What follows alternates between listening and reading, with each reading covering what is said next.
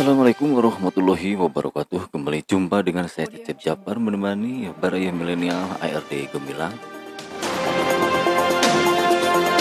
Di edisi 26 Juli 2021 Semoga kabar Baraya dalam keadaan sehat walafiat dan tetap semangat. Meski tetap dalam suasana pandemi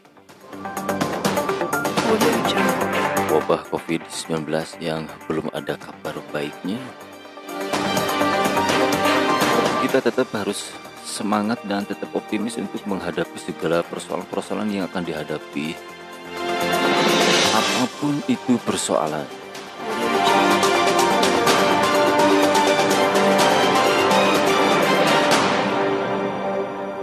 Sekali lagi, tetap semangat.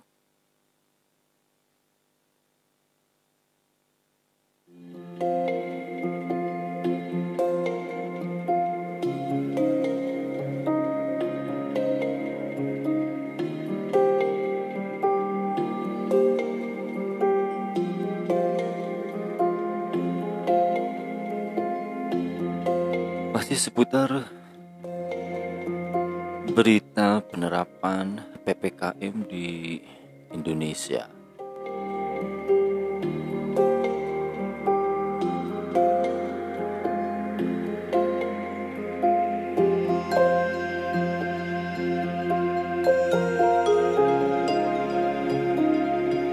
Kebijakan penerapan PPKM sebagaimana yang sudah digariskan oleh Presiden Republik Indonesia Joko Widodo. Melalui beberapa menteri sebagai leading sektornya,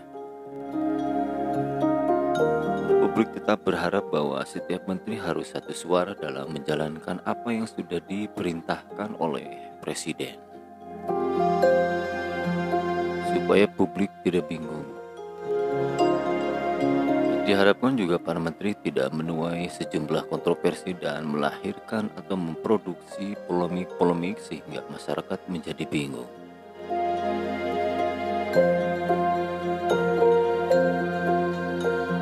Optimisme ini sangat penting untuk membangun harapan-harapan masyarakat dalam hal melakukan berbagai atau aneka aktivitas yang dijalankan oleh masyarakat.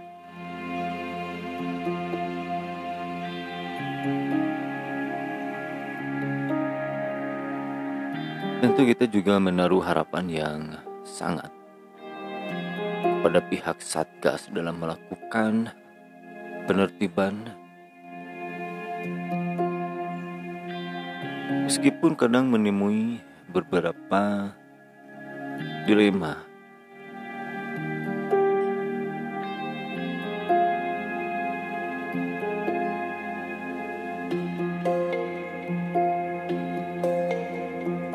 baik beraya milenial ARD Gemilang.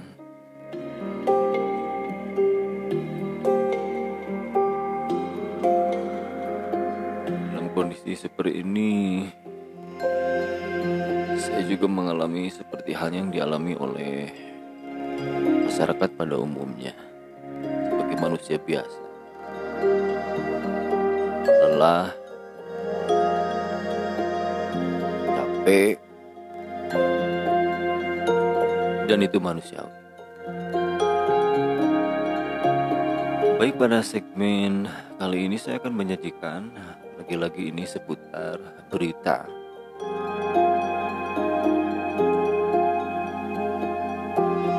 Di lingkup Provinsi Jawa Barat. Dari 27 kota kabupaten di Jawa Barat ternyata masih ada beberapa daerah yang ternyata boleh untuk menerapkan atau diterapkan PPKM level 3. Sepertinya saya harus seruput kopi dulu sejenak.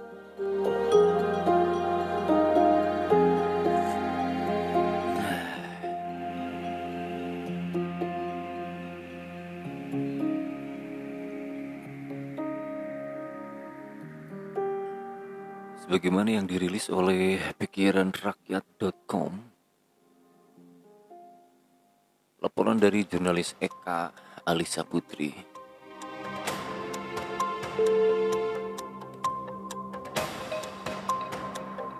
Sebelas daerah di Jawa Barat boleh terapkan PPKM level 3. Berikut rinciannya.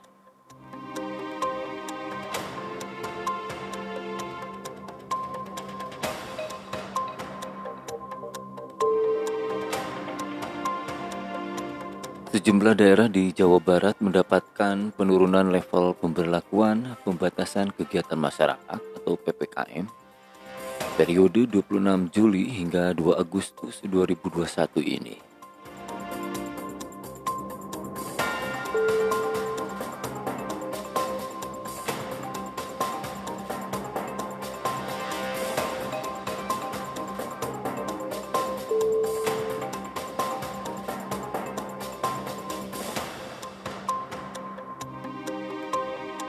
Sebanyak 11 daerah yang dinilai berhasil membaik.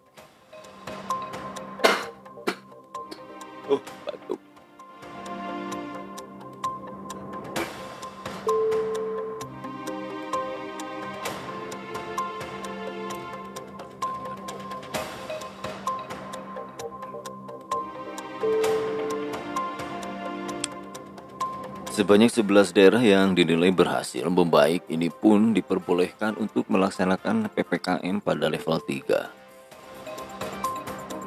Sedangkan 16 daerah lainnya masih terus melaksanakan PPKM level 4 dengan sejumlah penyesuaian aktivitas dan mobilitas masyarakat yang telah disampaikan Presiden Jokowi. Informasi tersebut disampaikan Gubernur Jawa Barat Ridwan Kamil melalui unggahan di akun media sosial pribadinya pada Minggu 25 Juli 2021.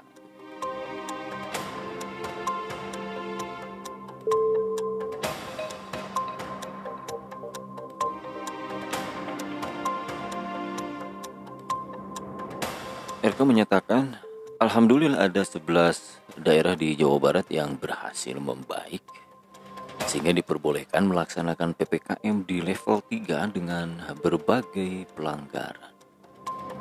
Nah, maksudnya berbagai pelonggaran.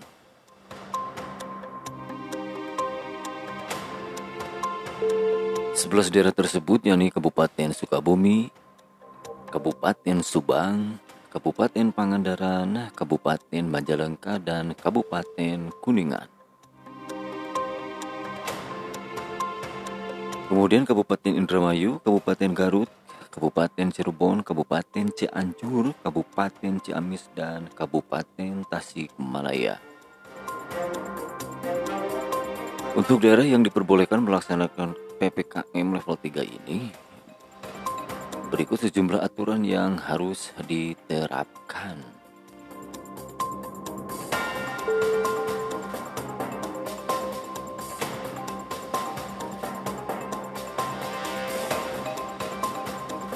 Satu, sektor esensial masih belum diperbolehkan untuk bekerja di kantor atau 0% work from office. Sementara untuk sektor esensial dan kritikal, pelaksanaan WFO diperbolehkan 100%. Toko diperbolehkan buka dengan kapasitas maksimal 50% sampai jam 20.00. Pasar diperbolehkan buka dengan kapasitas maksimal 50% sampai jam 15.00. Mall diperbolehkan buka dengan kapasitas maksimal 25% sampai jam 17.00. Pedagang kaki lima diperbolehkan berjualan sampai dengan jam 20.00. Warung makan diperbolehkan buka dengan kapasitas maksimal 25% sampai jam 20.00 dan maksimal dine-in atau makan di tempat selama 30 menit. Tempat ibadah diperbolehkan buka dengan kapasitas maksimal 25%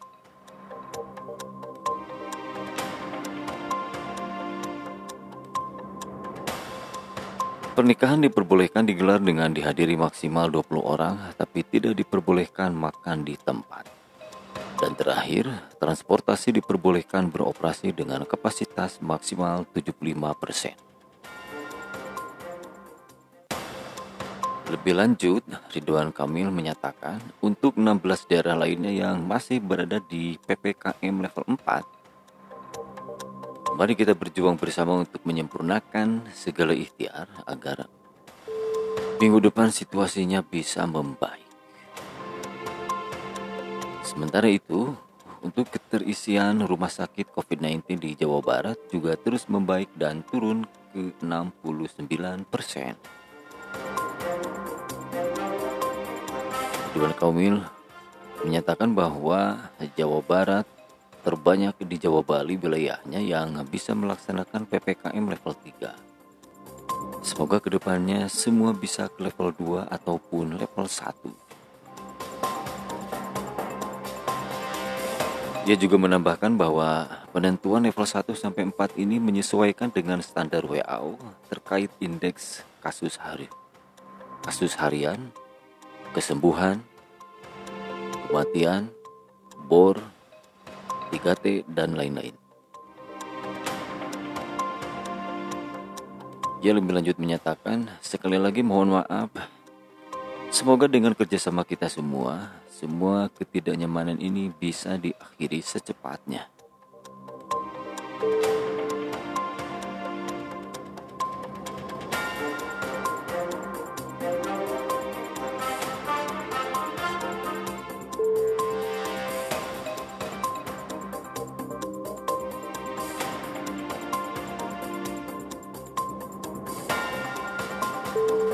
Kita berharap ya berharap di provinsi Jawa Barat ini.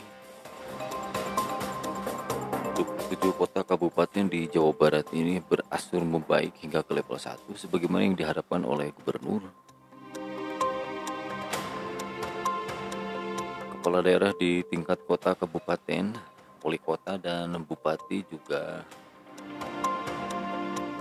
berjibaku bekerja keras untuk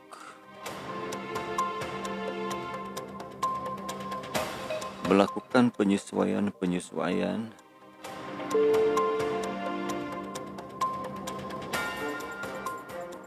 Sebagaimana yang sudah digariskan oleh Presiden Republik Indonesia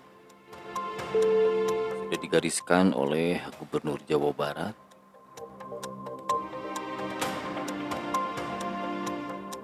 Kalau kita masyarakat hanya sekedar menerima perintah, apa yang itu baik kita laksanakan, apa yang tidak baik kita buang saja. Tapi tentu saja kebijakan selalu bersifat memaksa. Namun kita tetap berprasangka baik bahwa kebijakan ini untuk kemaslahatan bersama. Perlu konsistensi atau istiqomah dalam melaksanakan semua ini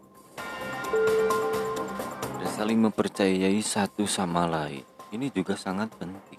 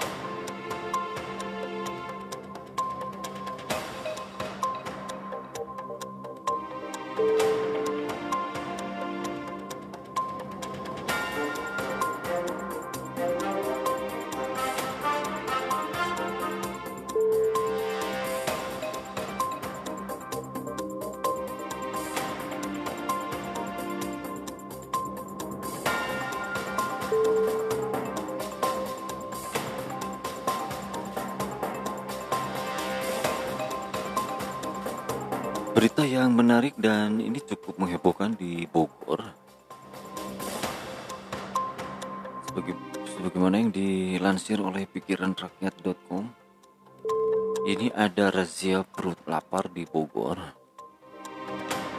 Memburu mereka yang keroncongan.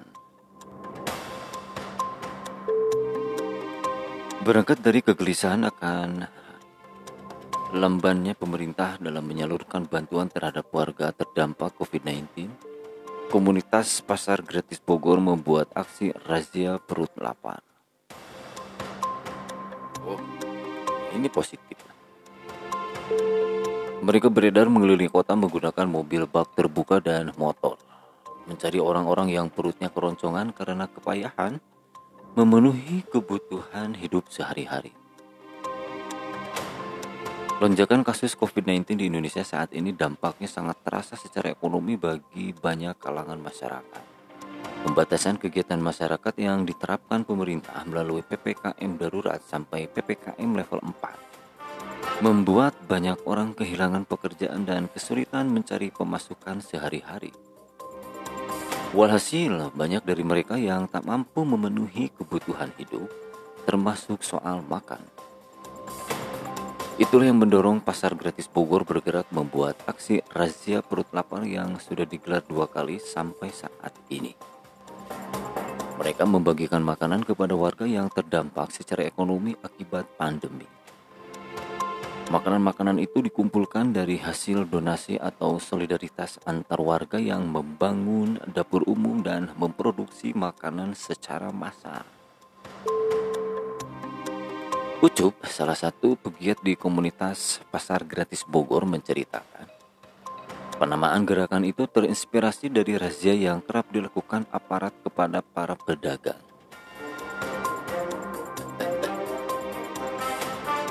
Macam satire tapi positif. Ini saya kira bagus. terinspirasi dari sebuah gerakan yang dilakukan oleh petugas sering kali menggeruduk pedagang ini dilakukan oleh komunitas dengan logika yang terbalik ini saya kira positif Terinspirasi dari razia arogan aparatur negara saja, mereka merazia tapi mengacak-ngacak dagangan masyarakat. Kita membuat tandingannya. Razia perut lapar.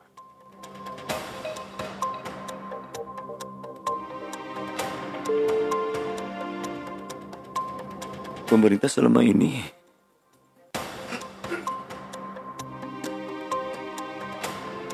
Oh, ini kopi dulu ini.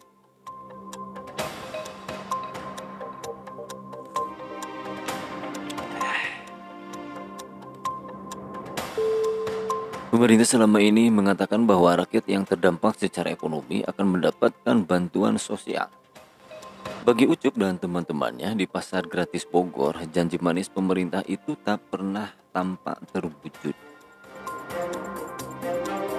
Kenyataannya saja, kalau bantuan itu ada, kenapa masih ada yang kelaparan?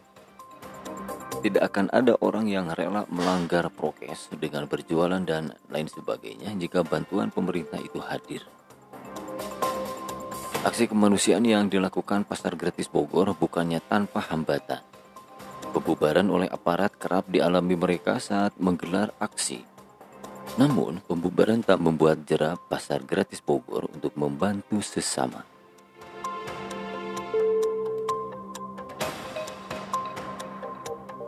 Ucup menyatakan, kami akan melakukan razia perut lapar yang ketiga, 4, 5, 6, 7, 8, 9, 10, sampai seterusnya.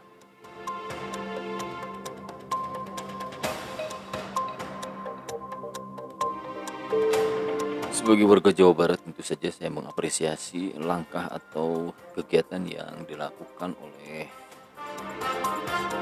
Pasar Bogor ini sebuah komunitas yang mendadak. Tapi ini sekali lagi ini positif. Apakah daerah lain akan mengikuti jejak komunitas pasar gratis Bogor ini? Kita tunggu saja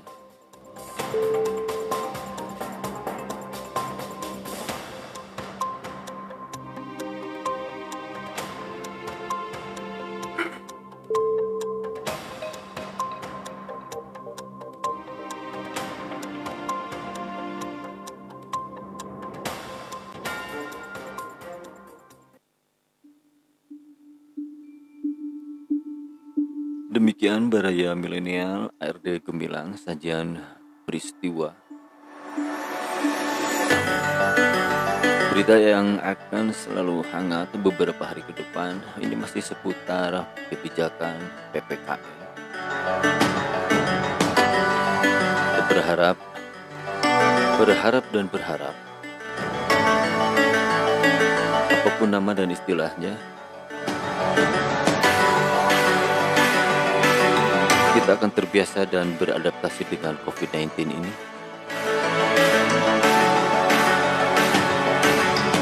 Terima kasih atas atensi Baraya Milenial.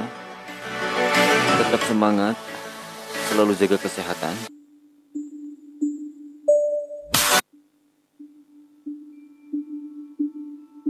Salam Encore dan salam Spotify. Wassalamualaikum warahmatullahi wabarakatuh.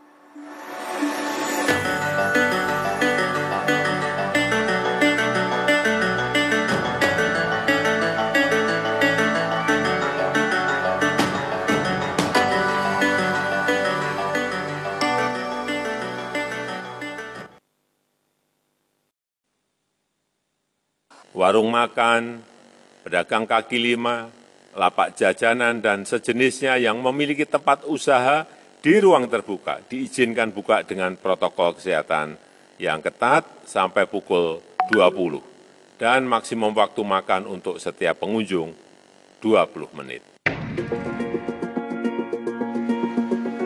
Audio Jungle.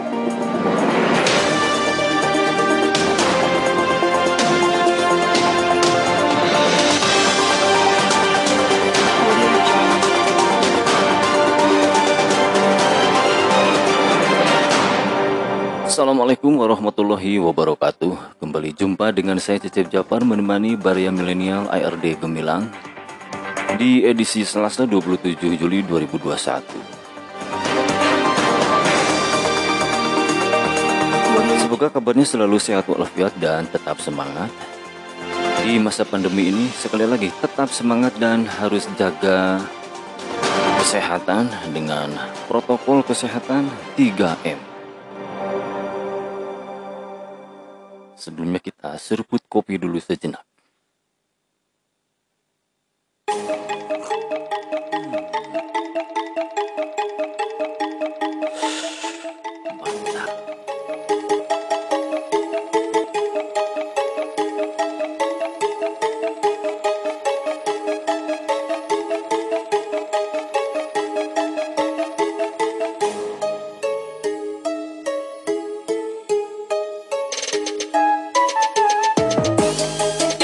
Kebijakan Presiden RI Joko Widodo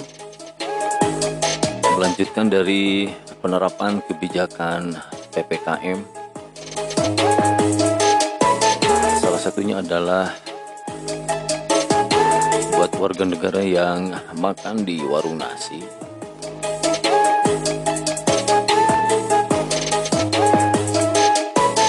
Batas waktunya hanya 20 menit untuk makan tahu apakah dihitung dengan kita ngobrol-ngobrol. Dihitung pula dengan transaksi pembayaran. Dihitung dengan ngopi. Dan sebagainya.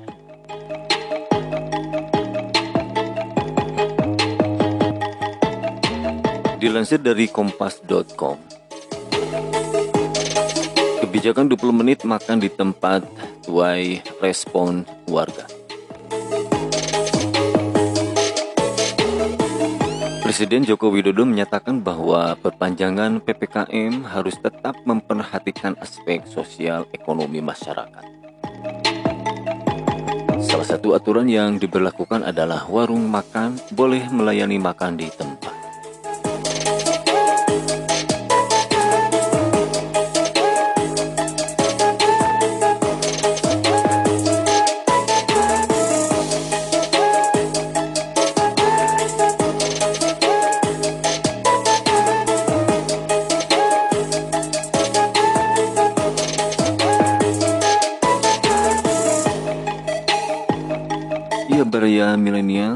Coba kita bayangkan dan renungkan atau dikontemplasi secara baik.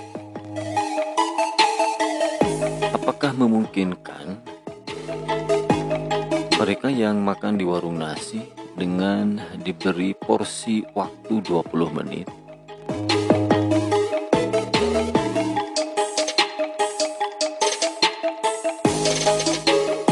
tidak akan menjelaskan narasi yang panjang terkait dengan persepsi atau opini menyangkut kebijakan yang terlalu teknis ini. Namun paling tidak siapa pun perlu pertimbangan dari aspek sosiologis kultural bagaimana warga negara ketika di warung nasi hanya diberikan porsi waktu 20 menit untuk duduk pesan makan. Ada waktu untuk ngobrol. Belum lagi mereka yang mau ngantri. Dan sebagainya. Tapi apa pun kebijakan itu, meskipun relatif teknis, kita harus berprasangka baik. Kebijakan itu tentu saja untuk kemaslahatan kita bersama. Baik Baria Milenial RD Gemilang, di berita yang lain, ini masih kaitannya dengan PPKM. Ada salah satu warga negara di Indonesia keturunan Tionghoa tinggal di Aceh, besar di Palembang. Dan ini cukup heboh di dunia maya. Tentang Akidi Tio. Di Penjumbang dengan nilai rupiah 2 triliun untuk keperluan COVID-19. Sungguh ini luar biasa.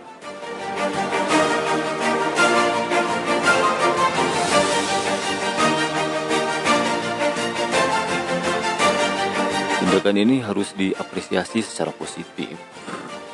Dan lagi-lagi kita harus berprasangka baik apa pun motif yang diupayakan oleh keluarga beliau.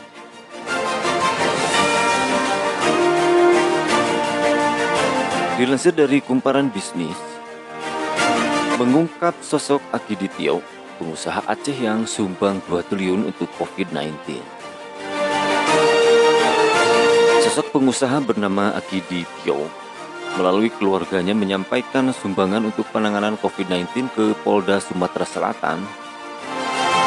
Besar dana yang disumbangkan tak tanggung-tanggung, yakni 2 triliun rupiah. Kapolda Sumsel, Irjen Polisi Eko Indra Heri, mengaku terkejut dengan kedermawanan pengusaha tersebut. Apalagi di tengah situasi pandemi yang keadaannya serba sulit. Dia menerangkan, menurut saya ini adalah amanat yang luar biasa dan berat. Ya, berat sekali karena uang yang diamanahkan ini besar dan pastinya harus dipertanggungjawabkan. Tapi saya yakin kalau amanah ini langsung disampaikan ke semua pihak dan masyarakat. Insya Allah amanah ini dapat dikelola sebaik-baiknya. Siapakah sosok dan kiprah bisnis Akiditio ini? Sosok pengusaha bernama Akiditio ini dijelaskan soal sosok tersebut disampaikan Profesor Dr. Hardi Dermawan, dokter keluarga mendiang Akiditio. Menurutnya, Akiditio berasal dari Kabupaten Aceh Timur. Kata Hardi, beliau saat itu pernah tinggal di Palembang dan semasa hidup Akiditio selalu berpesan kepada anak dan cicitnya untuk memberikan kepedulian kepada sesama.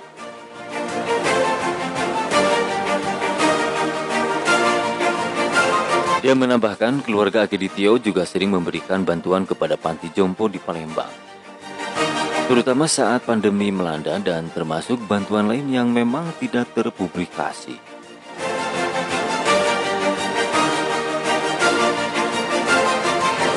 Mereka biasa telepon untuk berobat, namun kali ini saya kaget akan memberikan sumbangan yang jumlahnya sangat besar.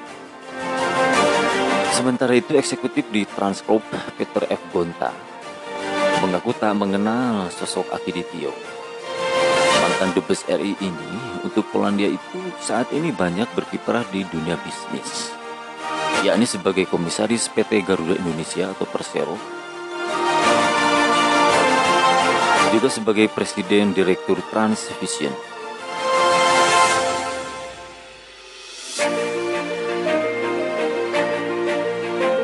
Peter menjelaskan melalui akun Facebook pribadinya, pengusaha apa ya Akiditio ini kok tidak pernah melihat namanya di deretan 50 pembayar pajak terbesar di Indonesia? Dia membandingkan Akiditio dengan orang-orang terkaya dunia seperti Jeff Bezos, Jeff Bezos, Amazon, Elon Musk, Tesla, Bill Gates, Microsoft, atau Warren Buffett Berkshire Hathaway. Para pengusaha itu biasanya menyumbang melalui yayasan yang mereka dirikan untuk mengurangi beban tagihan pajak. Terlepas dari itu, Peter yang sebelumnya berkarir di industri perbankan, properti dan penyiaran mengungkapkan rasa kagum atas kedermawanan Akiditio dan keluarganya. Luar biasa keluarga almarhum Akiditio menyumbangkan 2 triliun rupiah atau sekitar 130 juta US dollar sebagai bantuan untuk penanganan COVID-19 di Palembang, Sumatera Selatan.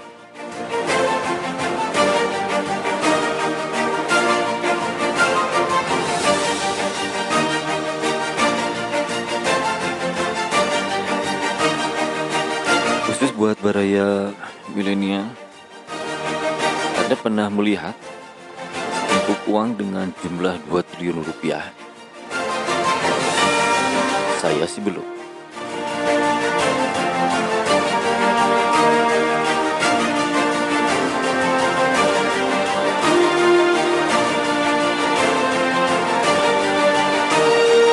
Pribadi saya mengapresiasi langkah yang dilakukan oleh keluarga besar Akiditio ini dan menyerahkan sejumlah uang yang relatif sangat besar, apalagi untuk ukuran di masa pandemi ini.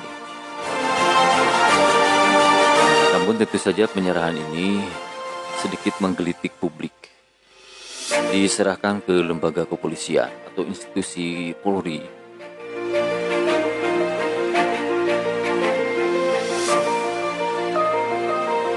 Bank ini udah tutup ya?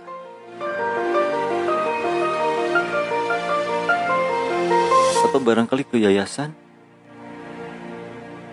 atau ke lembaga-lembaga keagamaan barangkali.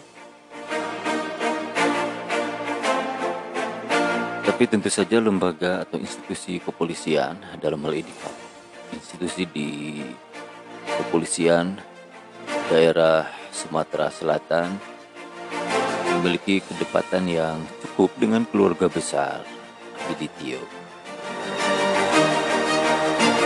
sehingga mendapatkan amanah sejumlah uang yang relatif sangat besar ini. Dan publik berharap semoga amanah ini dapat tersalurkan sebagaimana keperluan dan kepentingannya sesuai dengan kebutuhan masyarakat sekitar. Baik para milenial RD Gemilang, sajian dua peristiwa penting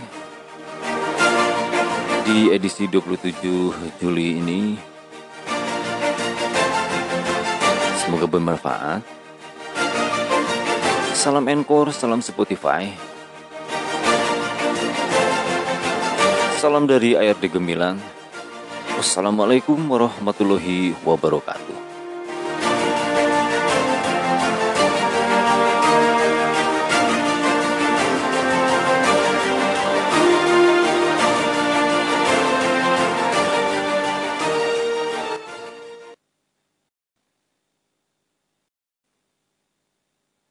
Warung makan, pedagang kaki lima, lapak jajanan, dan sejenisnya yang memiliki tempat usaha di ruang terbuka diizinkan buka dengan protokol kesehatan yang ketat sampai pukul 20 dan maksimum waktu makan untuk setiap pengunjung 20 menit. Audio Jungle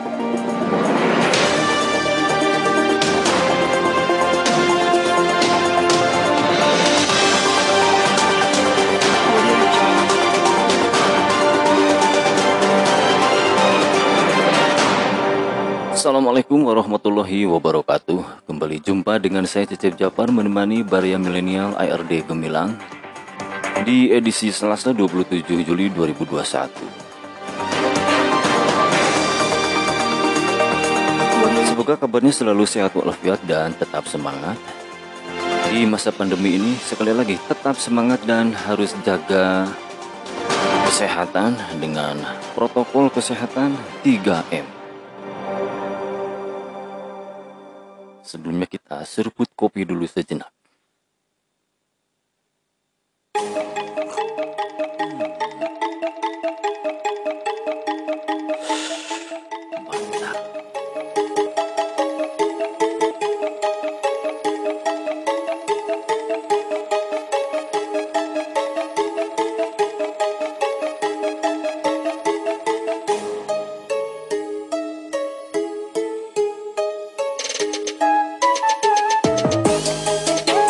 Kebijakan Presiden RI Joko Widodo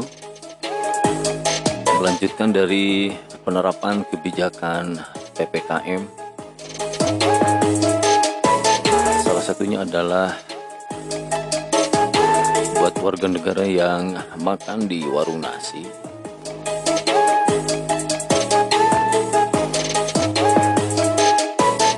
Batas waktunya hanya 20 menit tidak tahu apakah dihitung dengan kita ngobrol-ngobrol? Dihitung pula dengan transaksi pembayaran? Dihitung dengan ngopi? Dan sebagainya.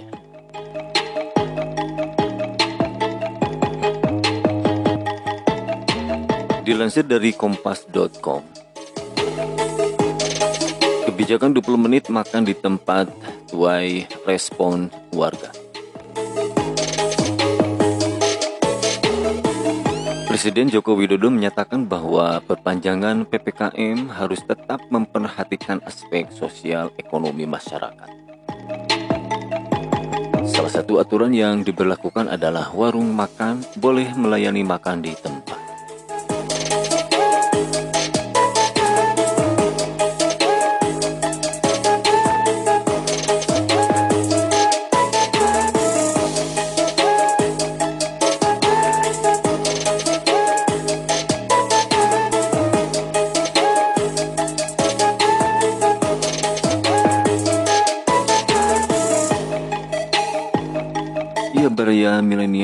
Coba kita bayangkan dan renungkan atau dikontemplasi secara baik.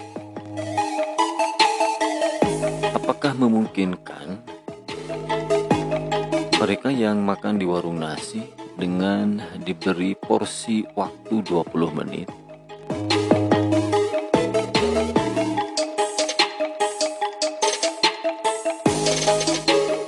tidak akan menjelaskan narasi yang panjang terkait dengan persepsi atau opini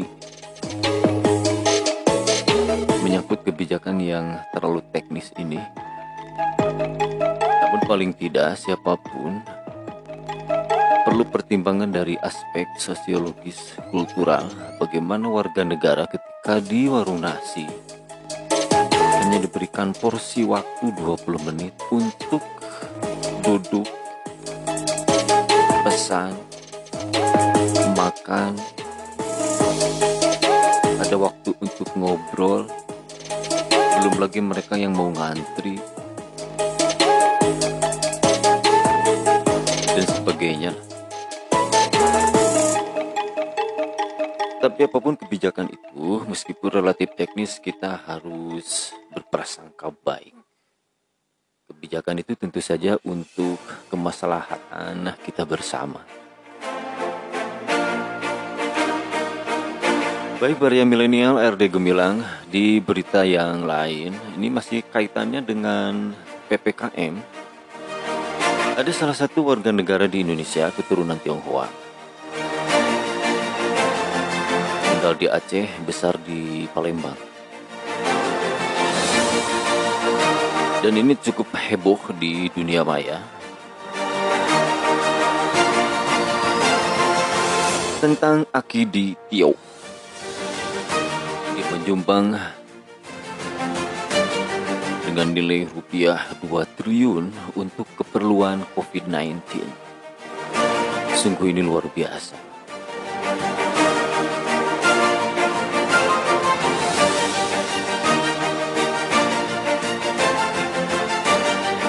Tindakan ini harus diapresiasi secara positif. Dan lagi-lagi kita harus berprasangka baik apa pun motif yang diupayakan oleh keluarga beliau.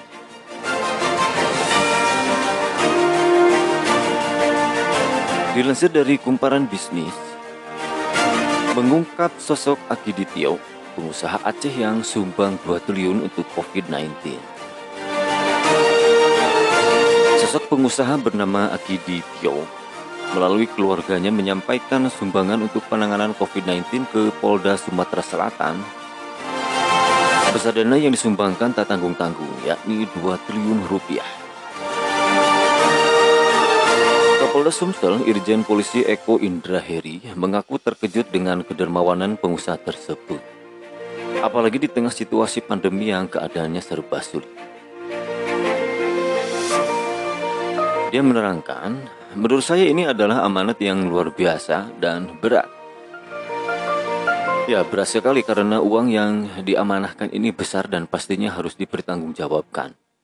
Tapi saya yakin kalau amanah ini langsung disampaikan ke semua pihak dan masyarakat. Insya Allah amanah ini dapat dikelola sebaik-baiknya. Siapakah sosok dan kiprah bisnis Akiditio ini?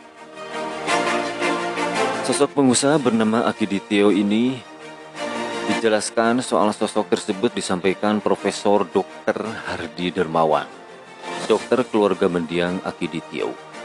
Menurutnya, Akiditio berasal dari Kabupaten Aceh Timur. Kata Hardi, beliau saat itu pernah tinggal di Palembang dan semasa hidup Akidit selalu berpesan kepada anak dan cicitnya untuk memberikan kepedulian kepada sesama.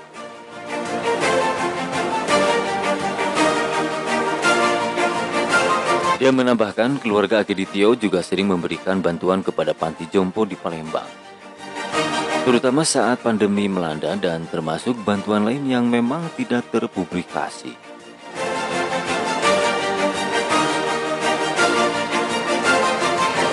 Mereka biasa telepon untuk berobat, namun kali ini saya kaget akan memberikan sumbangan yang jumlahnya sangat besar. Sementara itu eksekutif di Transcorp Peter F. Gonta mengaku tak mengenal sosok Akiditio mantan Dubes RI ini untuk Polandia itu saat ini banyak berkiprah di dunia bisnis, yakni sebagai komisaris PT Garuda Indonesia atau Persero, juga sebagai Presiden Direktur Transvision.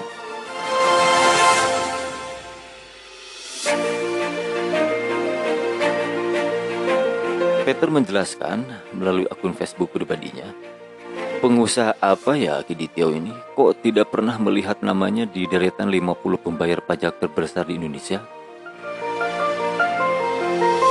Dia membandingkan Akiditio dengan orang-orang terkaya dunia seperti Jeff Bezos, Jeff Bezos, Amazon, Elon Musk, Tesla, Bill Gates, Microsoft, atau Warren Buffett, Berkshire Hathaway.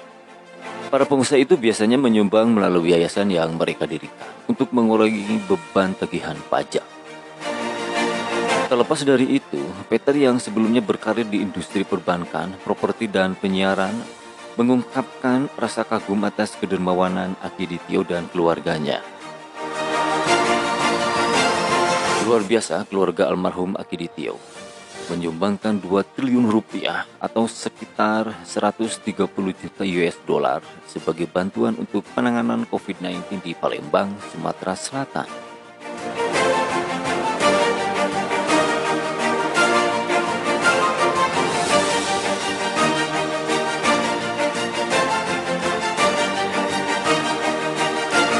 Buat baraya milenial, Anda pernah melihat untuk uang dengan jumlah 2 triliun rupiah? Saya sih belum.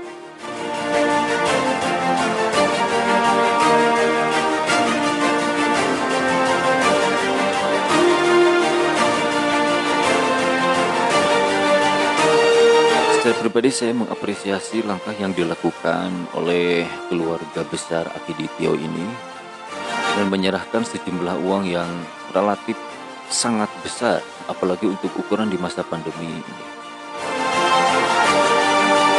Namun tentu saja penyerahan ini sedikit menggelitik publik. Diserahkan ke lembaga kepolisian atau institusi Polri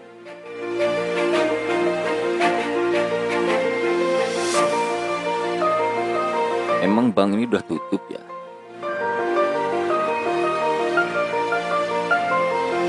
Atau barangkali ke yayasan? Atau ke lembaga-lembaga keagamaan barangkali?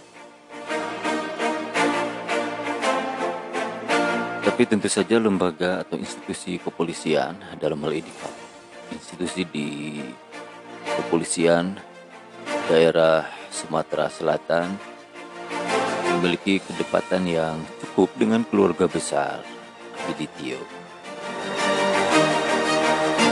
Sehingga mendapatkan amanah sejumlah uang yang relatif sangat besar ini. Dan publik berharap semoga amanah ini dapat tersalurkan sebagaimana keperluan dan kepentingannya sesuai dengan kebutuhan masyarakat sekitar. Baik para yang milenial RD Gemilang Sajian dua peristiwa penting. Di edisi 27 Juli ini. Semoga bermanfaat. Salam Encore, salam Spotify. Salam dari ARD Gemilang Wassalamualaikum warahmatullahi wabarakatuh